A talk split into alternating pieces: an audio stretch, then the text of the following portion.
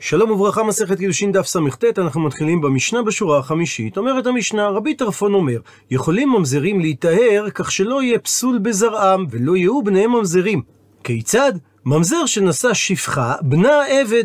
כך שכאשר שחררו, נמצא הבן בן חורין. מפני שבן השפחה הוא אינו ממזר, שהרי ולד שפחה הוא כמותה, אז גם הוא עבד כנעני, וכאשר משחררים אותו הוא הופך להיות בן חורין, ואז הוא מותר בישראלית. רבי אליעזר חולק ואומר, הרי זה גם עבד וגם ממזר. ואומרת הגמרא, היא בעיה לו, נשאלה להם השאלה הבאה, האם רבי טרפון לכתחילה כאמר את דבריו, או דיעבד כאמר את דבריו?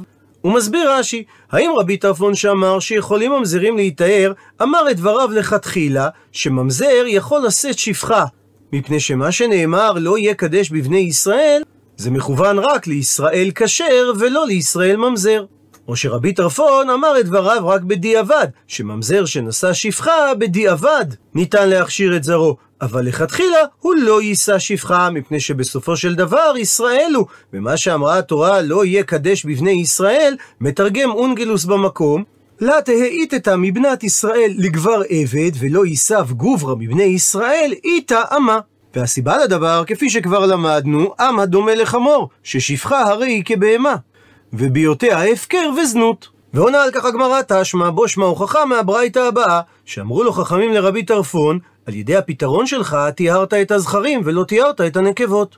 הוא מסביר רש"י, תיארת את הזכרים כי הם ילכו למקום שאין מכירים אותם, ושם יכול הממזר לומר עבד אני, ואז הוא נושא שפחה ואין מי שמוחה בידו. אבל את הממזרות לעומת זאת לא תיארת, כי אין דרך אישה לגלות ממקומה או לבקש תחבולות כדי להינשא בסתר, והסיבה, מאחר שיש מוחים בידה. אז עד לכאן הסבר הברייתא ומוכיחה הגמרא, והיא אמרת שרבי טרפון לכתחילה כאמר את הפתרון שלו. אז מדוע אמרו לו חכמים שהוא לא תיאר את הנקבות? שהרי אם מדובר על פתרון לכתחילה, אז כיוון שאין מוחים בידה, ממזרת נמי תנסיב לעבדה. גם ממזרת בצורה רשמית תוכל להינשא לעבד ועל ידי כך לתאר את זרע. דוחה הגמרא את ההוכחה, עבד אין לו חייס. זאת אומרת, עבד כנעני אין לו ייחוס אחר אביו, כפי שלמדנו מזה שכתוב עם החמור, שהם עם הדומה לחמור, כבהמה שאין הוולד כרוך אחרי האב. כך שאמרו חכמים לרבי טרפון שמבחינה טכנית, הפתרון שהוא נתן לא עוזר לממזרת, כי גם אם היא תתחתן עם עבד, לא יועיל הדבר לגבי זרע שמתייחס אחריה. ומביאה הגמרא תשובה נוספת, תשמע, בו שמע הוכחה מכך דאושפיזיכני. בעל האכסניה דרבי שמלאי ממזר אהבה. הוא היה ממזר, ואמר לרבי שמלאי, אי הקדמתך. אם הייתי מכירך קודם שנשאת אישה, אז הייתי מסיעך עצה כיצד לטהרנית ולבנך, כיצד תוכל לטהר את ילדיך. עד לכאן סיפור המעשה ומוכיחה הגמרא. אי אמרת בי שלמה. נוח לי להבין אם נסביר שרבי טרפון אמר את הפתרון שלו לכתחילה, שפיר, אז מובן הדבר היטב, שהיה רבי שמלאי אומר לו שהוא היה צריך להתחתן עם שפחה. אלא אי אמרת שהפתרון של רבי טרפון הוא רק בדיעבד, מה הניעו? אז מה הוא יכול היה להגיד לו? שהרי הוא לא היה אומר לו לעבור על איסור. מתרצת הגמרא שניתן לומר שהפתרון של רבי טרפון הוא בדיעבד, דמנסיב ליצא ואמר לי, והעצה שהוא היה אומר לו הייתה, זיל גנוב ויזדבן בעבד עברי. לך תגנוב, ואז ימכרו אותך לעבד עברי, ואז תהא שפחה מותרת לך. כי עבד עברי שמכרו בית דין, רבו מוסר לו שפחה כנענית. בשונה מעבד עברי שמכר את עצמו, ולכן הוא היה אומר לו, לך תגנוב. ואומר רש"י שהוא הדין שיכלה הגמרא להקשות, כיצד ייתכן שהעצה שהוא היה נותן לו זה לגנוב, הרי זה דבר אסור.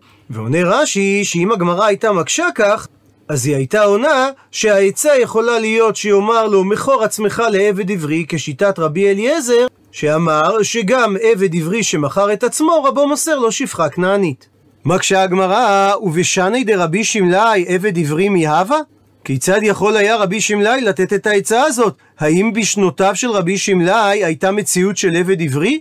והאמר מר במסכת גיטין שאין עבד עברי נוהג אלא בזמן שהיובל נוהג. שאם לא כן, לא ניתן לקיים את דברי הפסוק שעד שנת היובל יעבוד עמך. אלא לאו שמע מינה, מכאן ניתן להוכיח שרבי טרפון לכתחילה כאמר את הפתרון שלו שמע מינה. כי בהכרח העצה שהיה נותן רבי שמלאי לא הייתה להימכר כעבד עברי, אלא לשאת שפחה. וכך גם אמר רבי יהודה שאמר שמואל הלכה כרבי טרפון. ציטוט מהמשנה, רבי אליעזר אומר, הרי זה עבד ממזר. ועל כך אמר רבי אלעזר, מהי טעמי? מה טעמו דרבי אליעזר? עונה על כך רבי אלעזר, דאמר קרא. שכתוב בפסוק, נקרא בפנים, לא יבוא ממזר בקהל אדוני, גם דור עשירי לא יבוא לא בקהל אדוני. והמילה לא מיותרת, שהרי ניתן היה לכתוב גם דור עשירי לא יבוא בקהל השם. ולכן מריבוי המילה לא לומדים הלוך אחר פסולו. שאם אחד מההורים הוא ממזר, אז גם הצאצאים ממזרים. וממילא נשאלת השאלה ורבנן, דהיינו רבי טרפון שחלק על רבי אליעזר, מה הוא לומד מהאיתור של המילה לא? עונה הגמרא שהפסוק ההוא מדבר בישראל שנשא ממזרת. שלמרות שסלקא דעתך אמינא, שהיה עולה על דעתך לומר, על בסיס מה שכתוב, נשאו את ראש בני קהת מתוך בני לוי למשפחותם לבית אבותם, ומזה שהדגישה התורה לבית אבותם כתיב, אז אולי היינו אומרים שהוולד מתייחס אחר אביו ולא אחר אמו. עתה לא אפקי. באה המילה לא והוציאה מהסברה שמייחסים את הילד אחרי אביו, אלא הולכים אחר הפגום ולכן הוא ממזר כמו אמו. אבל כל זה דווקא כשהממזרת היא בת חורין. אבל כאשר ממזר נשא שפחה, אז הוולד הוא עבד כמו אמו והוא לא ממזר. ממשיכה הגמרא ושואלת, ורבי אליעזר, אם הוא דורש מהריבוי של המילה לא, שישראל שנשא ממזרת הוולד ממזר, אז מהיכן הוא לומד שממזר שנשא שפחה גם שם הוולד ממזר? מתרצת הגמרא שיענה רבי אליעזר באופן הבא, לאו אף על גב. כשם שלמרות שנאמר בפסוק למשפחותם לבית אבותם והייחוס הולך אחרי האבא, עתה המילה לא, אפקי, והוציאה שלעניין ממזר, הפסול הולך גם אחר האמא. החנמי, כך גם על אותו משקל, אף על גב. דכתיב לגבי שפחה, האישה וילדיה תהיה לאדוניה. זאת אומרת שהוולד של השפחה גם הוא עבד כנעני, עתה המילה לא אפקי. והוציאה ממשמעות הפסוק, שלעניין סטטוס של ממזרות, אין הוולד מתייחס אחר אמו השפחה, אלא אחר אביו הממזר. וממילא נשאלת השאלה, ורבנן, דהיינו רבי טרפון, מדוע הוא לא לומד כרבי אליעזר? עונה על כך הגמרא שיאמר רבי טרפון, כל ולד במאי שפחה כנענית כוולד בימי בהמה דמי. שהיות ששפחה היא כעם הדומה לחמור, אז אין הוולד שלה מתייחס אחר אביו כלל. ולכן לא שייך לומר שמהאיתור של המילה לא שנאמר לגבי ממזר, נייחס את ולד השפחה אחר אביו הממזר. בשעה טובה הדרן הלך פרק האומר, ונתחיל את פרק רביעי. כשעלו בני הגולה בבית שני, אז עשרה יוחסין עלו איתם מבבל. ומפרטת אותם המשנה. כהני, לוויי, ישראלי, חללי, גרי וחרורי, ממזירי, נתיני, שטוקי ואסופי. הוא מסביר רש"י שחללי זה כהנים חללים שנולדו מפסולי כהונה. חרורי זה עבדים כנעניים משוחררים שמחויבים במצוות כאישה, שלא קיבלו גט שחרור. נתיני זה הגבעונים שהיו מבני החיבי שמלו את עצמם בימי יהושע. לאחר שהם עשו תרגיל לבני ישראל, כאילו הם הגיעו מרחוק, ובני ישראל נשבעו להם שהם לא יפגעו בהם. ואומרת הגמרא במסכת יבמות, שלאחר דורות דוד גזר עליהם. שהם לא יבואו בקהל אפילו כאשר בית המקדש כבר לא קיים, בגלל שהוא ראה שאין בהם את מידת הרחמים. והמשנה תבאר בהמשך מה זה שטוקי ואסופי. ומבארת המשנה את היחסים השונים בין היוחסים. כהני, לוויי וישראלי מותרים לבוא זה בזה. לוויי, ישראלי, חללי, גרי וחהורי, גם הם מותרים לבוא זה בזה. אבל כהנים לא יכולים להתחתן עם חללים, גרים וחהורים, שחללה אסורה עליהם בלאו, וגיורת ומשוחררת, אסורה עליהם מפני שהיא בחזקת זונה. וממשיכה המשנה, גרי וחרורי, ממזירי ונתיני, שטוקי ואסופי, כולם מותרים לבוא זה בזה. הוא מסביר רש"י שהתנא של משנתנו סובר, שקהל של גרים לא נקרא קהל, ולכן הוא לא נכלל בכלל האזהרה של הממזרים לבוא בקהל השם. אבל לוויים וישראלים לא יכולים להתחתן עם ממזרים, מה שאין כן שטוקי ואסופי, שהם ספק ממזרים, לכן מותר להם להתערב בקהל ממזרים. כפי שתלמד הגמרא בדף ע"ג, שלממזר אסור לבוא בקהל ודאי, אבל כן מותר לו לבוא בקהל ספק. הוא מבאר את המשנה, ואלו הם שטוקי, כל שהוא מכיר את אמו ואינו מכיר את אביו, וכאשר הוא קורא לפלוני אבא, אז אמו משתיקה אותו. והסופי הכוונה, כל שנאסף מן השוק ואינו מכיר לא את אביו ולא את אמו. אבא שאול היה קורא לשטוקי בדוקי. והגמרא תפרש מדוע הוא קרא לו כך, וזה לא מפני שזה חרוז. ומצטטת הגמרא את המשפט הראשון מהמשנה, עשרה יוחסים עלו מבבל. ושואלת על כך הגמרא, מה עיריה דתני, מדוע נקט התנא של המשנה לשון של עלו מבבל? ניתני, הוא יכול היה לשנות לשון של הלכו לארץ ישראל. עונה על כך הגמרא, מילתא אגב אורחי כמה שמלן, על פי דרכו של התנא שהיה הולך ומדבר דבריו ליוחסין, אז אגב כך הוא השמיע ולימד אותנו דבר חדש, על ידי נקיטת הלשון של עלו מבבל, שארץ ישראל גבוהה מבבל. כדתניא, כמו ששנינו בברייתא על הפסוק נקרא בפנים, כי יפלא ממך דבר למשפט, בין דם לדם, בין דין לדין ובין נגע לנגע, דברי ריבות בשעריך, וקמת ועלית אל המקום אשר יבחר אדוני אלוהיך בו. מלמד שבית המקדש גבוה מכל ארץ ישראל, וארץ ישראל גבוה מכל הארצות. עד לכאן לשון הברייתא ומקשה הגמרא, בישלמה נוח לי להבין שאכן בית המקדש גבוה מכל ארץ ישראל. היינו דכתיב, כי הדבר נלמד מנושא הפסוק, הפכנו דף שכאשר יש דברי ריבות בשעריך, ובית הדין המקומי לא מצליח להגיע להכרעה, אז וקמת ועלית, אל המקום אשר יבחר השם אלוקיך בו. דהיינו אל הסנהדרין שהיו יושבים בלשכת הגזית בבית המקדש. אז מכאן שהמקדש גבוה מכל ארץ ישראל, שהרי סתם הפסוק ואמר, ועלית, לא משנה מהיכן בארץ ישראל.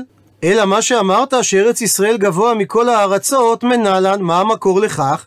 עונה על כך הגמרא, דכתיב, פסוקי נחמה בירמיהו, נקרא אותם בפנים, לכן הנה ימים באים נאום אדוני, ולא יאמרו עוד חי אדוני אשר העלה את בני ישראל מארץ מצרים, כי אם חי אדוני אשר העלה ואשר הביא את זרע בית ישראל מארץ צפונה ומכל הארצות אשר הדחתים שם, וישבו על אדמתם. ולהלן רשימה מאוד חלקית, מדוע הגאולה הנוכחית גדולה מגאולת מצרים. שהרי במצרים יצאנו ממדינה אחת, אבל היום אלוקים אסף אותנו מ-102 מדינות. במצרים היינו בגלות 210 שנה, ובגלות אדום היינו כ-1900 שנה. במצרים גזרו כליה רק על הזכרים, אבל האינקוויזיציה, היטלר והחמאס יימח שמו, גזרו גם על אנשים, גם על נשים וגם על טף, ורובנו הגדול ניצל מהם. ביציאת מצרים רדפו אחרינו 600 רכב ברזל, ואנחנו מנינו 300 אלף לוחמים. בגאולה הזאת עמדו מולנו 70 מיליון ערבים מוסלמים, אנשי מלחמה מנעוריהם, ואנחנו רק מתי מעט לוחמים. בגלות מצרים באנו לארץ שיש בה שבעת עממים, והיינו צריכים להילחם איתם קשות.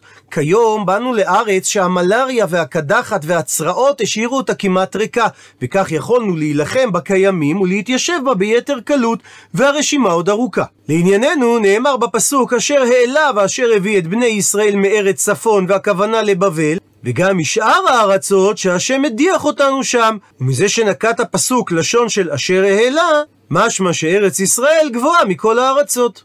ממשיכה הגמרא ושואלת, מה עיר דתני, מדוע נקט הלשון דווקא לשון של עלו מבבל? ניתני, הרי עדיף היה שישנה לשון של עלו לארץ ישראל, שהרי היו יהודים נוספים שעלו ממקומות נוספים. עונה הגמרא שהתנא נקט דווקא את הלשון הזו, מפני שעל ידי כך הוא מסייע לי לרבי אלעזר. דאמר רבי אלעזר, לא עלה עזרא מבבל עד שעשאה כסולת נקייה ועלה. מסביר רש"י שכל כוונתו של עזרא הייתה לנקות את בבל, ולא להשאיר בה פסולי ייחוס, לפי שראה אותם שנתערבו בהם, וראה שהיו חכמי הדור עולים עמו, ואז לא היה נשאר בבבל מי שהתעסק לבדוק בהם ליחסן. לכן עמד והפריש פסוליהן והוליכן עמו. והיות שפני אותו דור ראו את הפרשתם, אז הם הכירו בהם, לכן לא חשש עזרא שיתערבו בהם אלו הפסולים העולים איתו. והוא גם לא חשש לדורות הבאים, כפי שאומרת הגמרא בדף ע"ו, לשכת הגזית הייתה שם, ששם היו יושבים מיחסי כהונה ולוויה בכל יום, והם היו נזהרים בפסולים. ובאותו עניין איתמר פתיחה למחלוקת המוראים. אביי אמר, עלו מאליהן תנן.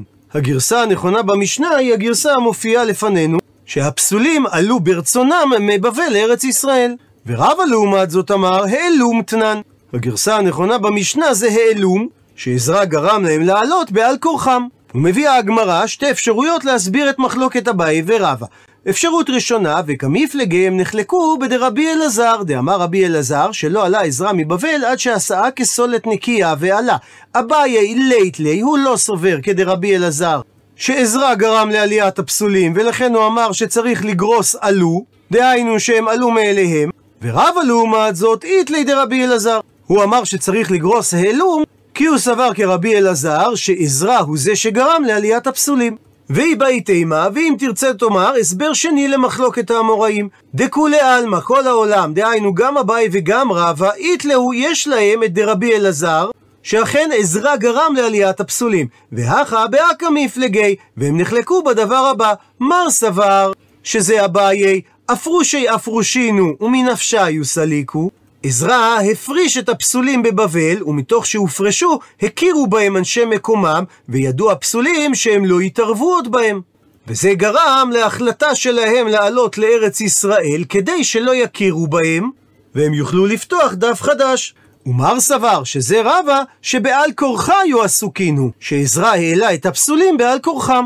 ומקשה הגמרא על דברי רבא, בישלמה נוח לי להבין למאן דאמר שזה אביי, שצריך לגרוס במשנה שהפסולים עלו מדעת עצמם, היינו, וזה מתאים למה דאמר רב יהודה אמר שמואל, שכל הארצות יישא לארץ ישראל, וארץ ישראל יישא לבבל. הוא מסביר רש"י שהיות שהפסולים עלו מאליהם, אז לא הכירו בהם העולים עמהם כל כך, ולכן ארץ ישראל נחשבת יישא לבבל, דהיינו, שבאופן יחסי יש ספק ייחוס לאנשי ארץ ישראל אל מול אנשי בבל, כי נעשתה בבל כסולת נקייה. כי הפסולים לא נשארו שם, ובני ארץ ישראל לא הכירו את הפסולים כל כך, אז יש שנדבקו עמהם. ושאר כל הארצות הם כעיסה, דהיינו כפסולת ביחס לארץ ישראל, לפי שבני ארץ ישראל בכל זאת עסוקים לבדוק ביוחסים, לפי שכהנים מצויים שם. אלא למאן דאמר שזה רבא שצריך לגרוס במשנה העלום את הפסולים בעל כורחם, אז אם כך, מידע ידינו. הואילו ועל כורחם העלו ממאלו, אז יצא כל פסול עליהם, והכל ידעו בפסולן, ונזהרו בהם כל העולים. אז אם כך, מדוע ארץ ישראל נחשבת כעיסה ביחס לבבל? עונה על כך הגמרא, נהי דידי לאהודרה. אמנם דור העולים ידע מהפסולים, אבל לדרא אחרינא לא ידי. הדורות הבאים אחריהם כבר לא ידעו בוודאות מי פסול, ולכן ארץ ישראל נחשבת כעיסה כלפי בבל, כי בבבל לא היו כלל פסולים.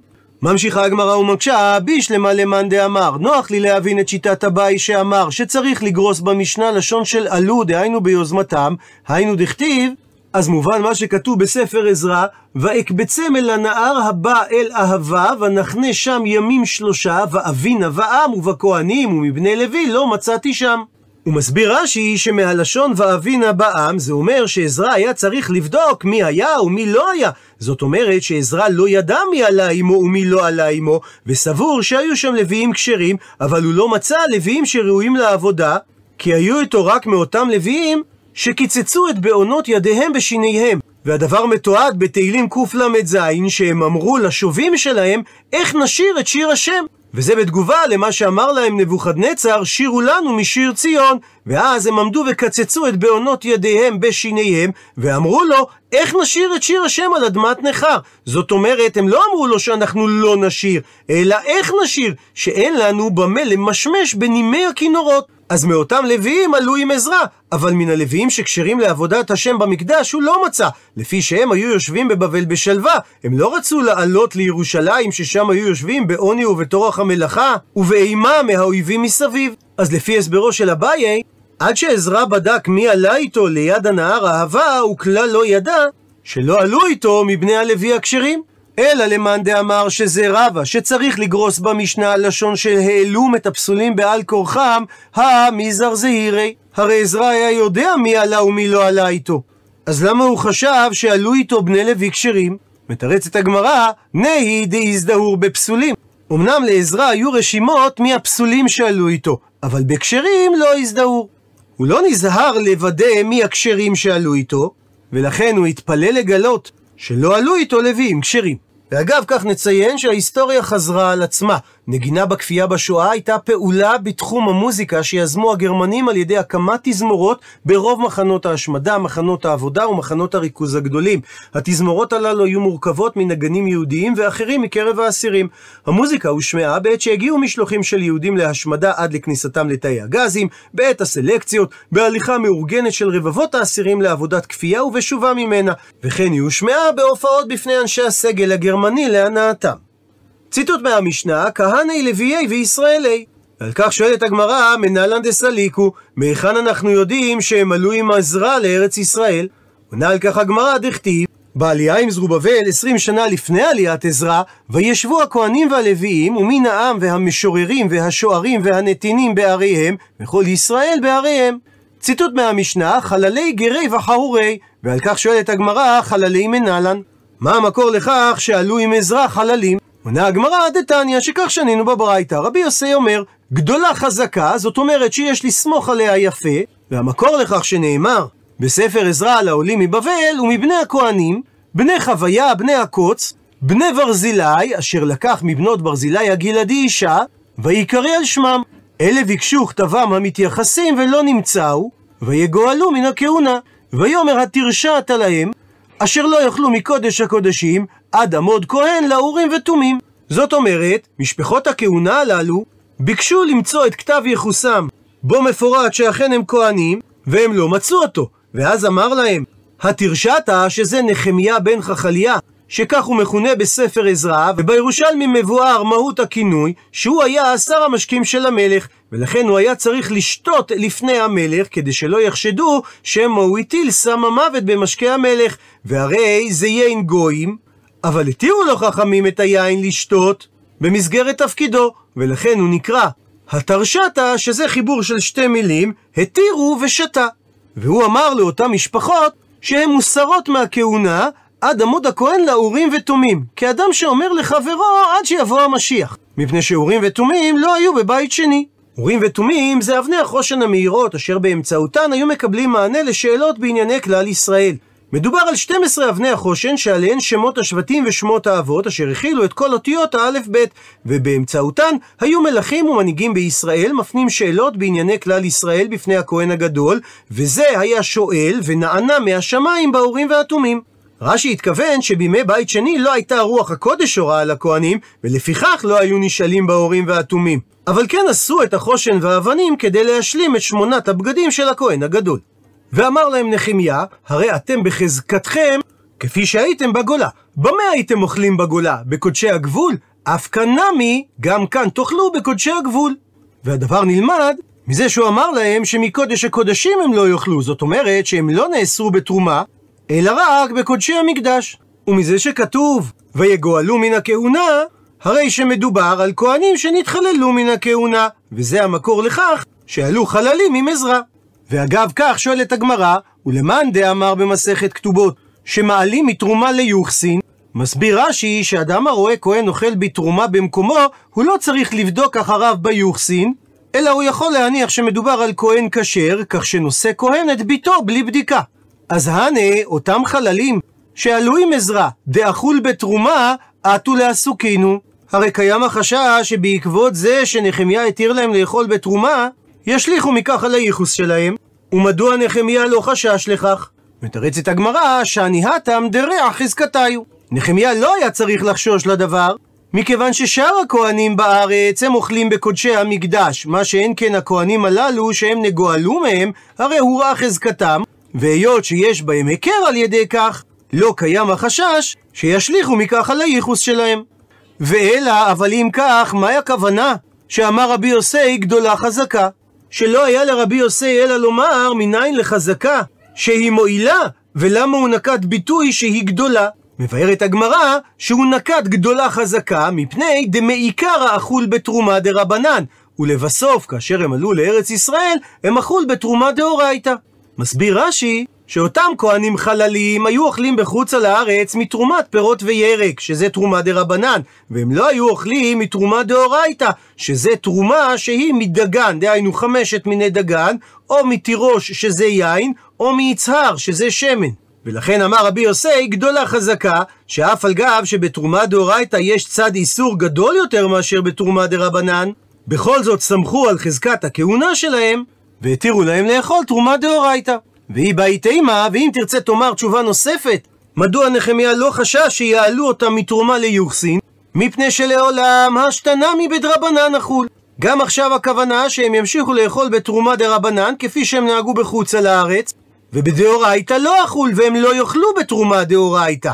וכי מסקינן, ומה שאנחנו מסיקים ומעלים מתרומה ליוחסין זה רק מדאורייתא, אבל מתרומה דרבנן לא מסקינן. אנחנו לא משליכים לגבי יוחסין, אבל היא אחי שואלת הגמרא, אז מה הכוונה גדולה חזקה?